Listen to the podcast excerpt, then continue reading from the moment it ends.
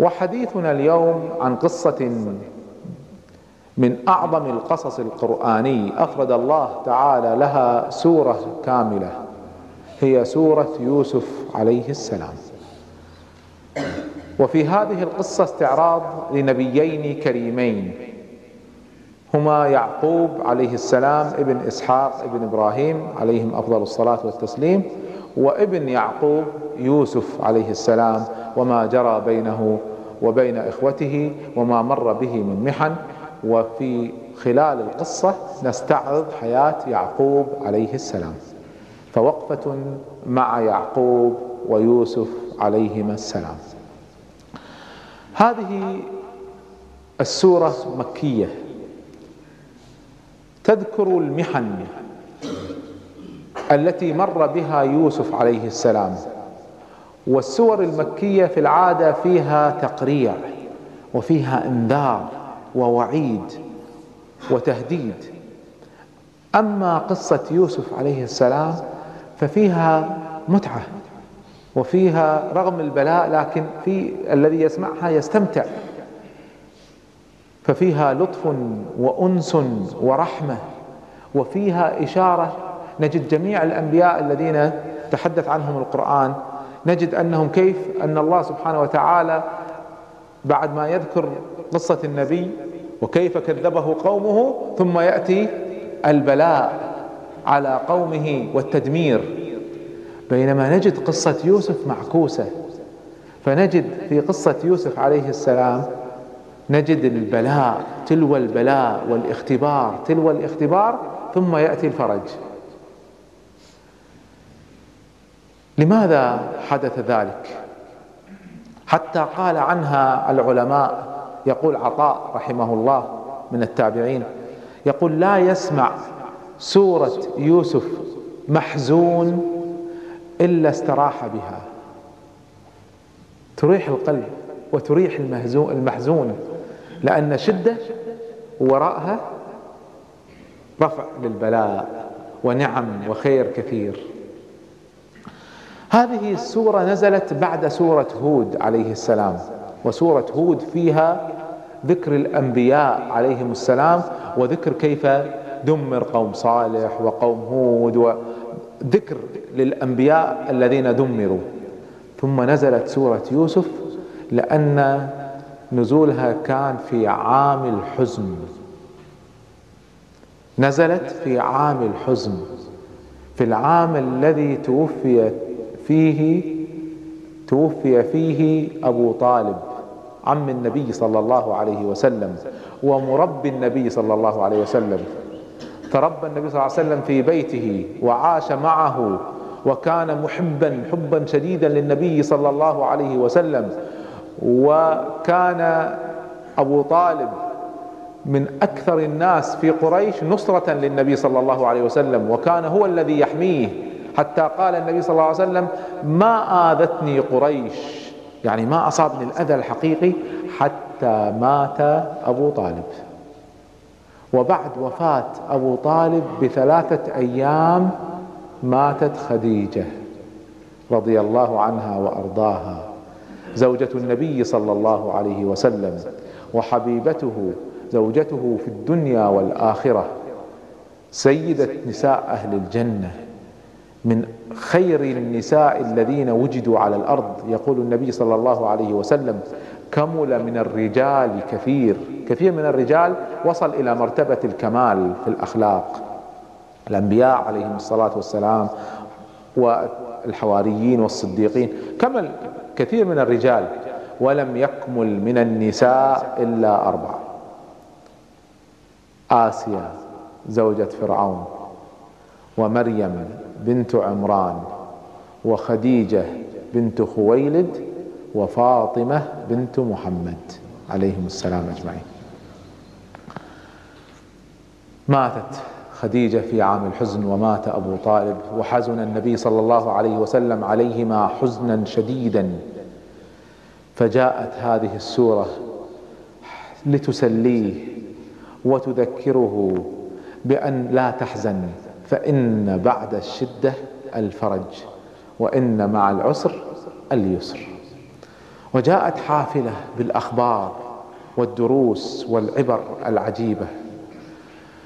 قصص القرآن موزعة. كل نبي من الأنبياء تجد قصته موزعة. والحقيقة الذي يحاول أن يحضر شيئا في قصص القرآن يتعب.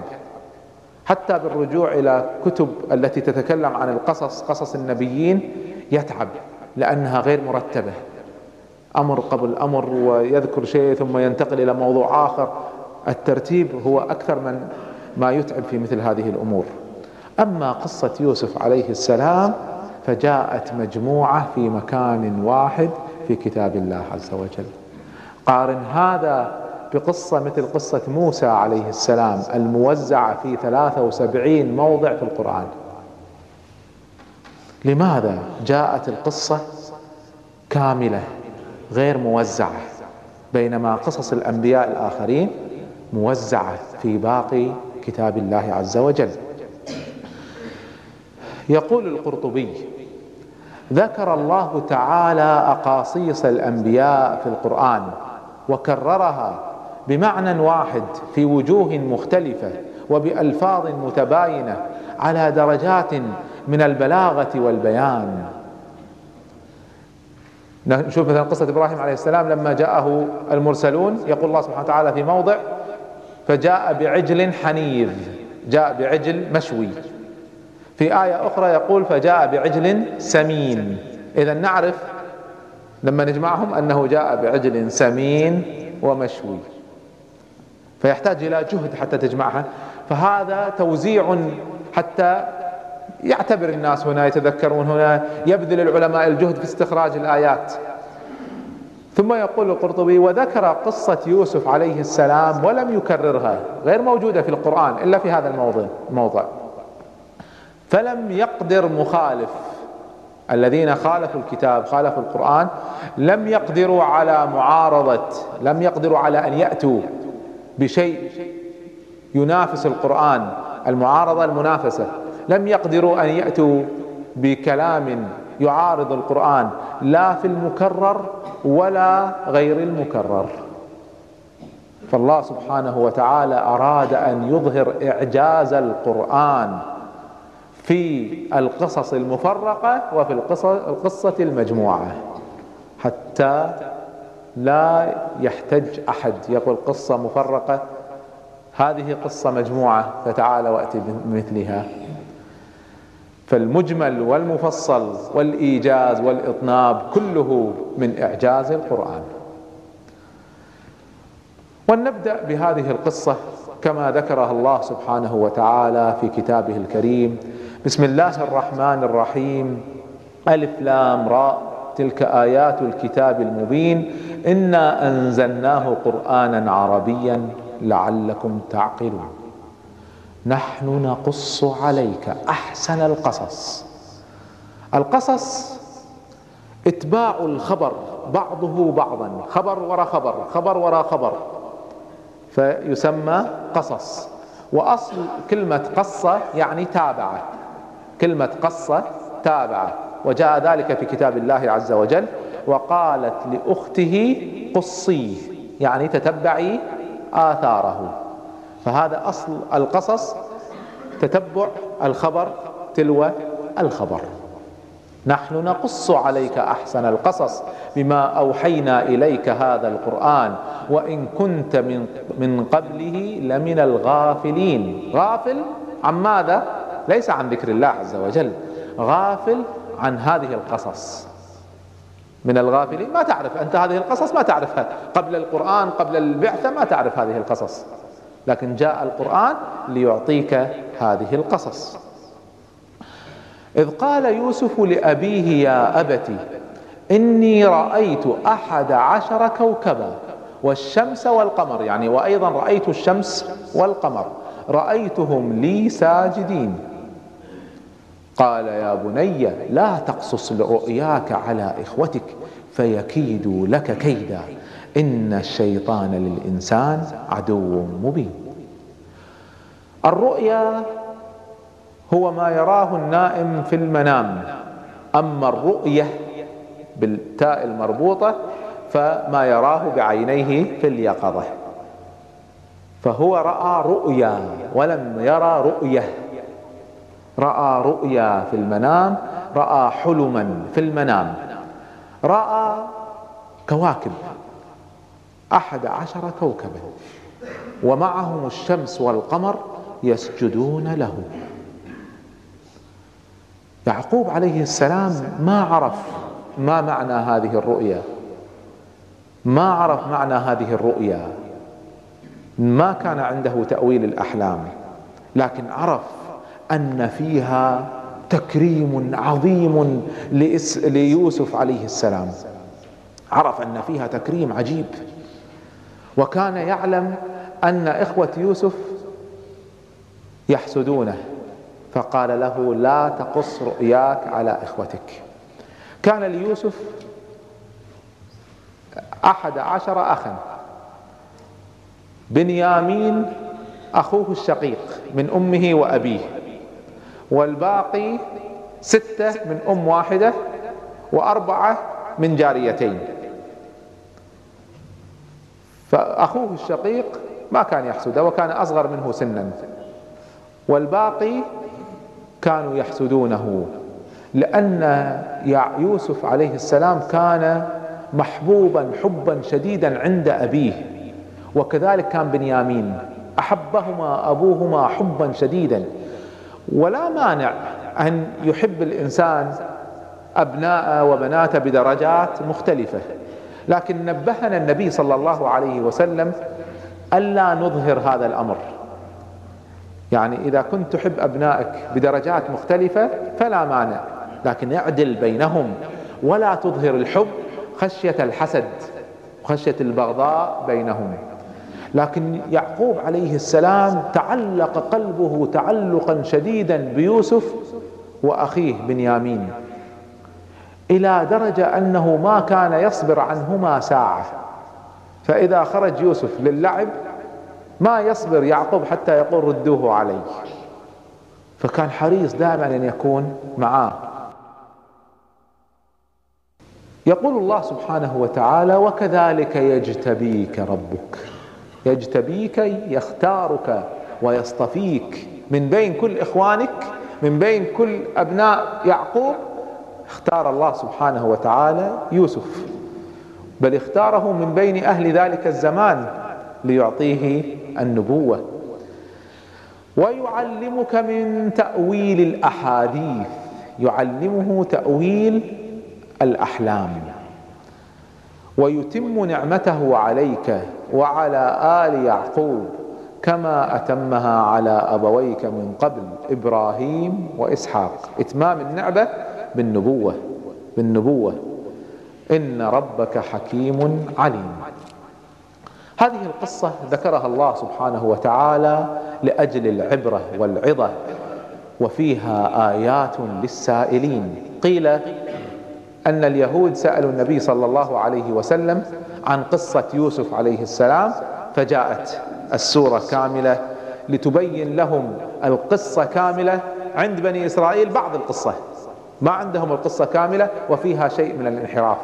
فجاء القرآن ليصحح الانحراف ويعطيهم القصة كاملة. لقد كان في يوسف وإخوته آيات للسائلين بني إسرائيل الذين سألوا وكل إنسان يسأل عن قصة يوسف فيها عبر ومعاني كثيرة. إذ قالوا ليوسف وأخوه أحب إلى أبينا منا ونحن عصبة. كيف يحب يوسف وأخاه أكثر مما يحب العصبة؟ العصبة تطلق على الجماعة الذين يزيدون عن عشرة. العشرة فما فوق يسمون عصبة. ان ابانا لفي ضلال مبين. فاعترضوا على تصرف ابيهم واساءوا إلى ابيهم اساءوا إلى ابيهم بهذه القوله ضلال مبين. الضلال قد يكون الانحراف وقد يكون الخطا. قال قائل منهم آه ان ابانا لفي ضلال مبين فتشاوروا في امرهم ووصل بهم الحقد والحسد. والكراهية ليوسف أن يفكروا في قتله. اقتلوا يوسف. فهنا تدخل أكبرهم واسمه يهوذا. قال يهوذا كلا القتل أمر شديد. فقالوا اطرحوه أرضا. أو اطرحوه أرضا يعني أبعدوه عن أرضكم أنفوه. يخلو لكم وجه أبيكم. وتكونوا من بعده قوما صالحين. يخلو لكم وجه أبيكم يعني يتفرغ لكم ما ينشغل بيوسف عنكم. وانظروا ماذا نووا نووا المعصية ونووا التوبة من المعصية. ناوي يعمل الجريمة وبعدين يتوب منها. اقتلوه أو اطرحوه ارضا يخلو لكم وجه أبيكم بعدين توبوا. تكونوا من بعده قوما صالحين. فهل هذا الذي ينوي المعصية؟ ثم يتوب وهو ناوي يعصي ويتوب. هل تقبل منه التوبة؟ اللي ناوي يعمل معصية وناوي بعد ما يعصي يتوب. هل تقبل منه التوبة؟ قال العلماء باب التوبة مفتوح. الله سبحانه وتعالى يبسط يده بالليل ليتوب مسيء النهار ويبسط يده بالنهار ليتوب مسيء الليل. باب التوبة لا يغلقه أحد. حتى لو الإنسان ناوي يعصي ثم يتوب ولذلك تاب الله سبحانه وتعالى عليهم. في نهاية القصة تابوا وتاب الله سبحانه وتعالى عليهم. لكن الخشية أن يفعل الإنسان المعصية ثم يدركه الموت قبل أن يتوب. هنا تكون المصيبة. فيكون فعل المعصية ولم يفعل التوبة. قال قائل منهم لا تقتلوا يوسف يهوذا ظل يريد أن يخفف هذا الأمر. لا تقتلوا يوسف وألقوه في غيابة الجب. يلتقطه بعض السيارة إن كنتم فاعلين.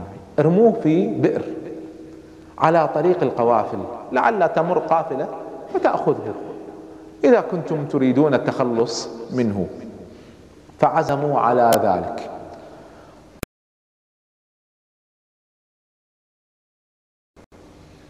وذهبوا إلى أبيهم وكان لا يترك يوسف كما ذكرنا. فقالوا يا أبانا ما لك لا تأمنا على يوسف؟ وإنا له لناصحون. أرسله معنا غدا يرتع ويلعب.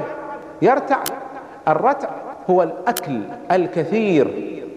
التوسع في الأكل. تعرف الإنسان لما يطلع رحلة يكثر من الأكل. فدعه يأخذ يرتع ويلعب. وإنا له لحافظون. لا تخاف عليه كل سنحافظ عليه. أرسله معنا غدا يرتع ويلعب. وإنا له لحافظون. قال إني ليحزنني أن تذهبوا به. فراقه لا أطيقه. ما أصبر عليه. سببين ذكر لهم. السبب الأول أني لا أطيق فراق يوسف يحزنني أن تذهبوا به. والسبب الثاني وأخاف أن يأكله الذئب وأنتم عنه غافلون. تنشغلون باللعب ويأتي الذئب ويأكله. منطقة فيها ذئاب قالوا لئن أكله الذئب ونحن عصبة إنا إذا لخاسرون. فظلوا يلحون ويلحون. حتى وافق يعقوب عليه السلام فأرسل معهم يوسف. فلما ذهبوا به تأتي الروايات أنهم كانوا في الطريق يضربونه ويسبونه. كانوا يكرهونه. إلى درجة فكروا في قتله والضرب أهون. فكانوا في الطريق يضربونه ويؤذونه. حتى وصلوا إلى البئر وأجمعوا اتفقوا جميعا أن يجعلوه في غيابة الجب في أعماق البئر أغوار البئر. ثم سمي غيابة الجب لأن الذي يصل إليها يغيب عن الأنظار. لا يراه أحد. غيابة الجب يغيبه البئر. وهم ينزلونه في غيابة الجب. وصل إلى حجر في أسفل البئر فوقف عليه ولم يدخل في الماء. وجلس هناك وجاءه الإلهام من الله سبحانه وتعالى وأوحينا إليه لتنبئنهم بأمرهم هذا وهم لا يشعرون. ستخبرهم بما فعلوا وهم لا وهم لا يشعرون لا يحسون أنك أنت الذي ستخبرهم. فكأنه جاء اطمئنان من الله سبحانه وتعالى ليوسف عليه السلام أن لا تخاف اطمئن. ستخرج من البئر سليما وستخبر هؤلاء بما فعلوا بك وهم لا يشعرون. وجاءوا أباهم عشاء يبكون جاءوا بالليل وهم يبكون. كان أحد العلماء هو الأعمش جالسا في مجلس القاضي العادل من أعدل القضاة في التاريخ شريح رحمهم الله. فجاءت امرأة امرأة تختصم إلى شخص وأخذت تبكي بكاء شديد. فقال الأعمش ألا تراها تبكي؟ يعني كأنه يقول الحق معها. فقال شريح إن إخوة يوسف جاءوا أباهم عشاء يبكون. فلا تحكم إلا بالعدل. مو بالقضية بالبكاء القضية بالعدل. قالوا يا أبانا إنا ذهبنا نستبق. عملنا مسابقة إلى مسافة بعيدة. وتركنا يوسف عند متاعنا. تركناه عند الأغراض فأكله الذئب. وما أنت بمؤمن لنا لن تصدقنا. ولو كنا صادقين. سبحان الله افتضح كذبهم من الكلام. ما قالوا وإنا لصادقون؟ قالوا أنت لا ما راح تصدقنا حتى لو كنا صادقين. يعني إيش؟ يعني إحنا كاذبين. حتى لو كنا صادقين لن تصدقنا. وما أنت بمؤمن لنا ولو كنا صادقين. وجاءوا على قميصه على قميصه ثوبه بدم كذب. قال ابن عباس ذبحوا شاة وصبوا دمها على القميص. فجاءوا بالقميص ملطخ بالدم. فنظر يعقوب عليه السلام إلى القميص قال ما ارحم هذا الذئب أكل ابني ولم يمزق قميصه قميص ما هو مزق؟ كيف أكله؟ بل سولت لكم أنفسكم أمرا زينت لكم نفوسكم أمرا فصبر جميل والله المستعان على ما تصفون. وتنتقل القصة الآن لنكمل مع يوسف عليه السلام ما حدث له. وجاءت سيارة سيارة قافله مسافرون. فأرسلوا واردهم. الوارد هو الشخص الذي يأتيهم بالماء يرد الماء ورود الماء الإتيان بالماء. فأدلى دلوه نزل الدلو. فتعلق به يوسف عليه السلام. فلما جر الدلو ثقيل كان يوسف عمره في ذلك الوقت 12 سنة. فجره. فلما خرج وإذا طفل جميل فقال يا بشرى يعني من شدة فرحته ينادي البشرى. من شدة الفرح ينادي التبشير. وهذا من إعجاز اللغة. ما قال يا بشراي؟ قال يا بشرى يا أيتها البشرى تعالي اسمعي. يبشر البشرى. يا بشرى هذا غلام. وكان طبعا في ذلك الوقت العبيد والأرقاء يعتبرون تجارة رائجة. وأسروه بضاعة. أسروه؟ أخفوه. بضاعة يعني ناوين أن يبيعونه يتاجرون به كالبضاعة. لماذا أخفوه؟ قالوا لعله طفل ضائع أو عبد هارب. فنخشى أن يكتشف ويأخذوه منا. فأخفوه حتى ما يراه أحد ولا يؤخذ منهم. وكانوا خايفين أن يكتشفوا. فجعلوه في القافلة لكن مخفينه. والله عليم بما يعملون. فلما وصلوا إلى مصر كانت القافلة هذه خارجة من مدين وذاهبة إلى مصر. فلما وصلوا إلى مصر باعوه وشروه. كلمة شروه يعني باعوه. في اللغة شرى يعني باع اشترى يعني أخذ. فشروه باعوه بثمن بخس.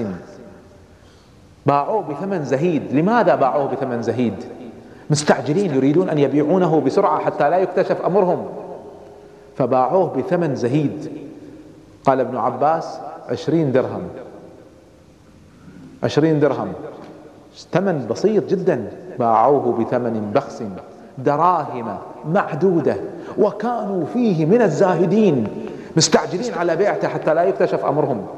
لذلك كانوا فيه من الزاهدين. وقال الذي اشتراه من مصر من الذي اشتراه؟ اشتراه العزيز. العزيز لقب يطلق على وزير المالية في مصر.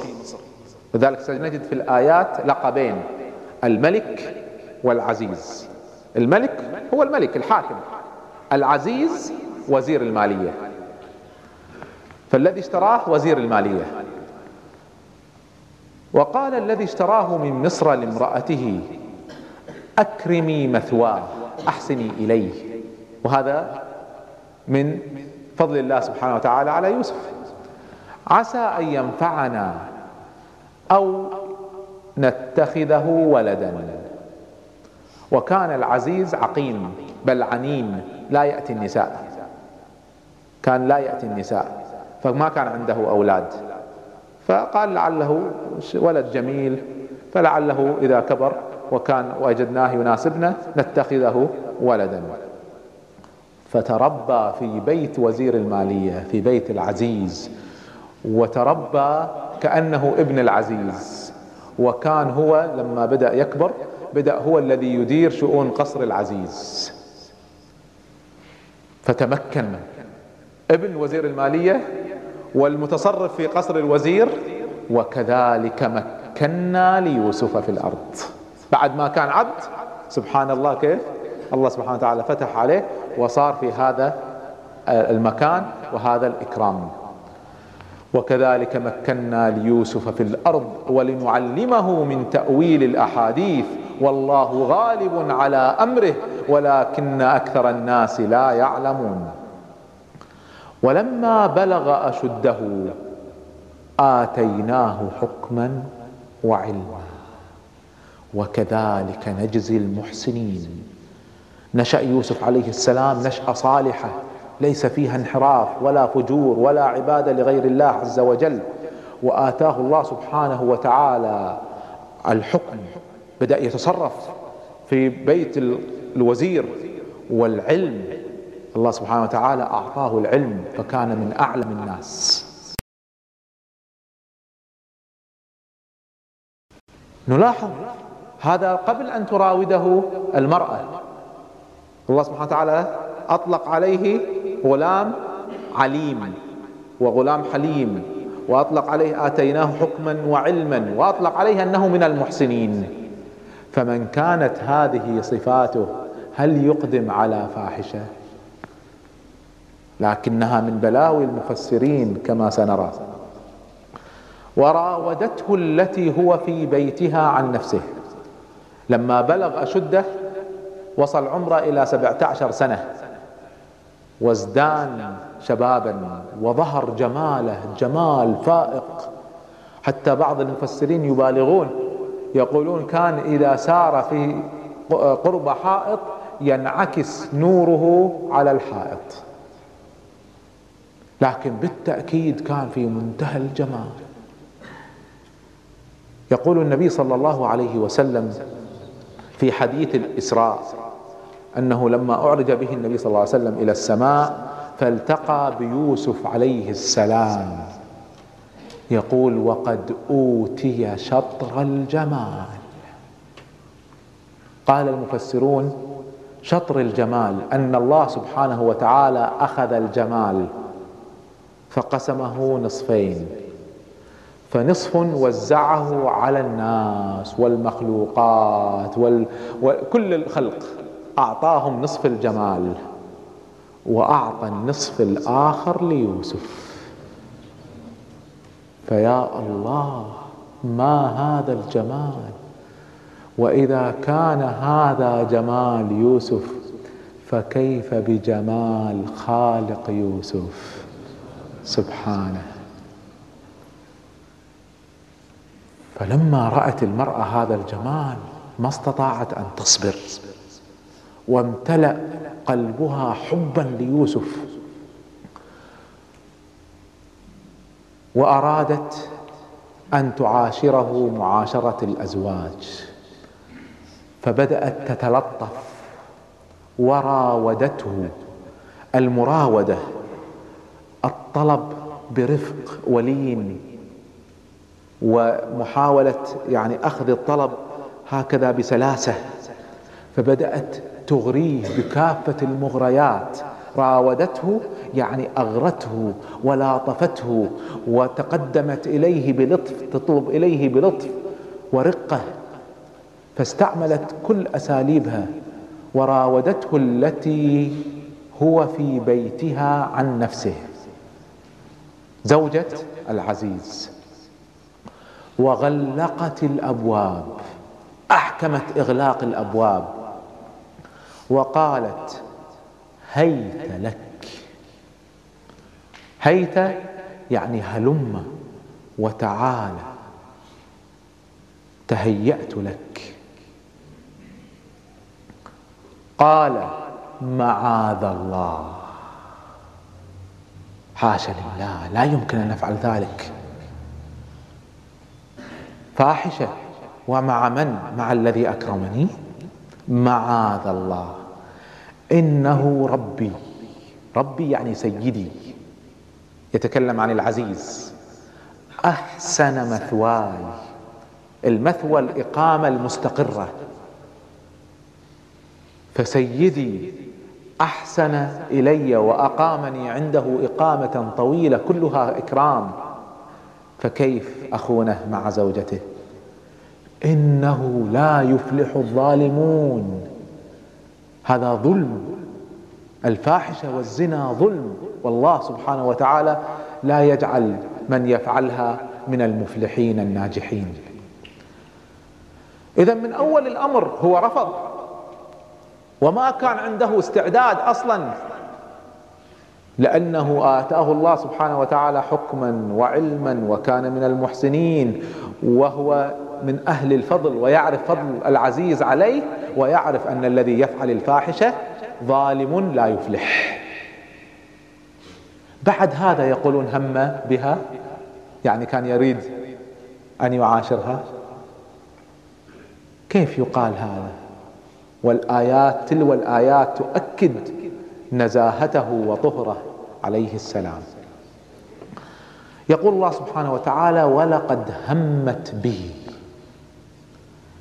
الهم القصد والعزم. عزمت وألحت وبدأت تتعلق به.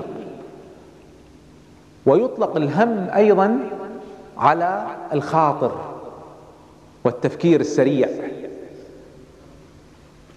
ولقد همت به يعني هم قصد وعزم. وهم بها لولا أن رأى برهان ربه. يعني لو قلت لكم كنت أسير في الشارع ووقعت لولا أن أمسكني أحمد هل وقعت؟ هل سقطت؟ لا. واضحة من كلام العرب واضح. وقعت لولا أن أمسكني أحمد. معناها ما وقعت. بمساعدة أحمد ما وقعت. ماذا يقول الله سبحانه وتعالى؟ وهم بها لولا أن رأى برهان ربه. هل هم بها؟ لا. الآية واضحة. وقعت لولا أن ساعدني أحمد. هم بها لولا أن رأى برهان ربه. هل هم بها؟ ما هم بها. لماذا لم يخطر بباله؟ هنا الهم قال العلماء. ليس الهم القصد وإنما هم أن يخطر بباله هذا الأمر. حتى ما خطر بباله هذا الأمر. لماذا؟ لأن رأى برهان ربه. اذا ما قاله بعض المفسرون أنه أراد الفاحشة واضطجع معها. هكذا في كتب المفسرين. ثم رأى البرهان فقام. حاشاه. ما نقبلها عن واحد منا فكيف نقبلها عن نبي كريم؟ آتاه الله سبحانه وتعالى حكما وعلما وجعله من المحسنين وهو يعرف فضل العزيز عليه وقد ذكر ذلك ويعلم أن الزنا ظلم لا يفلح صاحبه. يعرف. وقالها فورا ما تقول والله غافل؟ قال معاذ معاذ الله إنه ربي أحسن مثواي إنه لا يفلح الظالمون ولقد همت به وهم بها. لولا أن رأى برهان ربه اذا لم يهم بها. ما هم بها؟ وقد كادت تخطر بباله. ممكن أن تخطر بباله. إغراء شديد. قد يفكر الواحد فينا اليوم إذا كان الحر شديد ورأى كأس فيه ماء بارد يخطر بباله الله لو أشربه. لكن يمتنع لأنه صائم لكن يخطر بباله أنه يشربه. هذا الخاطر هو حتى الخاطر ما جاء بباله. لماذا لم يأتي الخاطر بباله؟ دع عنك الفعل الخاطر ما جاء بباله. لماذا؟ لأنه رأى برهان ربه. ما هو البرهان الذي رآه؟ يوسف عليه السلام. رأى شيئا. جعله لا يفكر حتى تفكير. لا تخطر بباله. لا يرغب بها حتى في الفكر حتى في الهم. لا تخطر بباله. ما هو هذا البرهان؟ اختلف فيه المفسرون. قالوا رأى جبريل عليه السلام. وقيل رأى صورة يعقوب عليه السلام يعض إصبعه. وقيل رأى سيدها عند الباب. وقيل رأى على الحائط إنه كان فاحشة وساء سبيلا. والله أعلم. ما جاءنا حديث صحيح لكن هذا الذي ذكره المؤرخون لكننا نعلم أنه رأى شيئا دليل من الله سبحانه وتعالى جعله حتى ما يفكر ما يهم. ولقد هم بها لولا أن رأى برهان ربه فبرهان ربه جعله ينصرف حتى عن التفكير. كذلك لنصرف عنه السوء والفحشاء.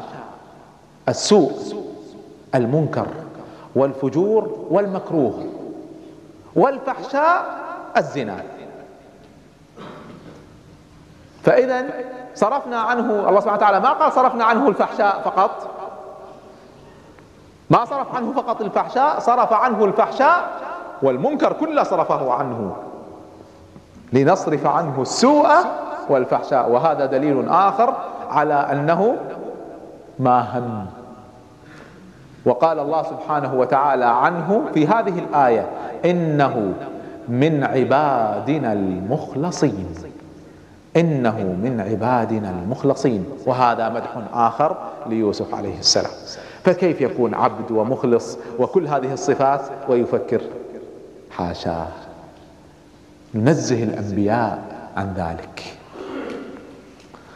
وأصرت وألحت وبدأت تهجم عليه. فهرب منها. فبدأت تجري وراه فأخذ يركض. وهي تجري وراءه كأنه سباق. وصفه الله سبحانه وتعالى في الكتاب. واستبق الباب. بدأ يجري نحو الباب حتى يخرج وهي وراءه.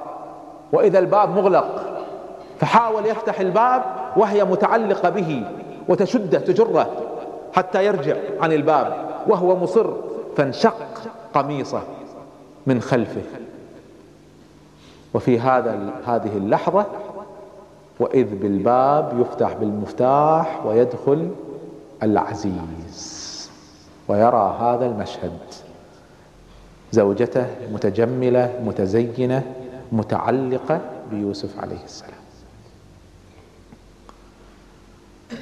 ففورا أرادت أن تدفع عن, نفس عن نفسها التهمة. قالت ما جزاء من أراد بأهلك سوءا واستبق الباب وقدت قميصه من قبل من دبر شقت القميص من دبر. واستبق وألف يا سيدها لدى الباب وقالت ما جزاء من أراد بأهلك سوءا؟ ماذا يستحق من يريد فعل الفاحشة مع زوجتك؟ ثم استدركت خافت أن يقول جزاءه القتل فيقتل يوسف. فقالت إلا أن يسجن أو عذاب أليم. حتى ما يقتله تريده ما زالت تريده. فاستدركت وقالت حتى لا يفكر بقتله قالت إلا أن يسجن هي اقترحت العقاب. إلا أن يسجن أو عذاب أليم. ففورا هو أيضا دافع عن نفسه قال هي راودتني عن نفسي. ما هو أنا المجرم؟ ما هو أنا المذنب؟ هي هي التي راودتني عن نفسي. وشهد شاهد من أهلها. من هو هذا الشاهد؟ روايتان.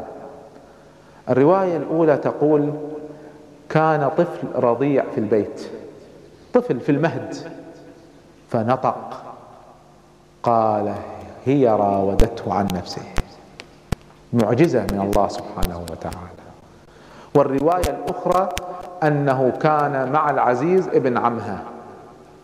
ابن عمها كان داخل مع العزيز فقال انظر أين انشق القميص؟ إن كان قميصه قد من دبر إذا ممزق من الخلف فكذبت وهو من الصادقين. وإن كان العكس فصدقت وهو من الكاذبين فلما رأى قميصه قد من دبر القميص ممزق من الخلف قال إنه من كيدكن. مكر. أنت تراودين ثم تتهمينه أي مكر هذا؟ إن كيدكن عظيم. الآن هذا الرجل كما يقول سيد قطب رحمه الله من الطبقة الأرستقراطية التي معاني الشرف عندها ليس لها قيمة. ماذا فعل؟ لو كان الشرف له قيمة لأخذته الحمية ولغل الدم في عروقه كما يفعل الشرفاء. لكن ماذا فعل؟ يوسف أعرض عن هذا واستغفري لذنبك. إنك كنت من الخاطئين. وانتهت السالفة. بس ما تصرف ولا فعل شيء ولا حتى أخرجه من البيت. بقى عندها في البيت. يقول سيد قطب رحمه الله وهكذا تكون حالة الحياة الأرستقراطية التي ينتزع منها الشرف وينتزع منها الحياء. ما يعود للشرف قيمة ويصبح الإنسان ديوث لا غيرة فيه. ولا ولا رجل عند امرأة تفتن به وتتركه معها؟ كيف تفعل ذلك؟ ولا عقاب ولا شيء ولا بس يوسف أعرض عن هذا واستغفري لذنبك كنت من الخاطئين.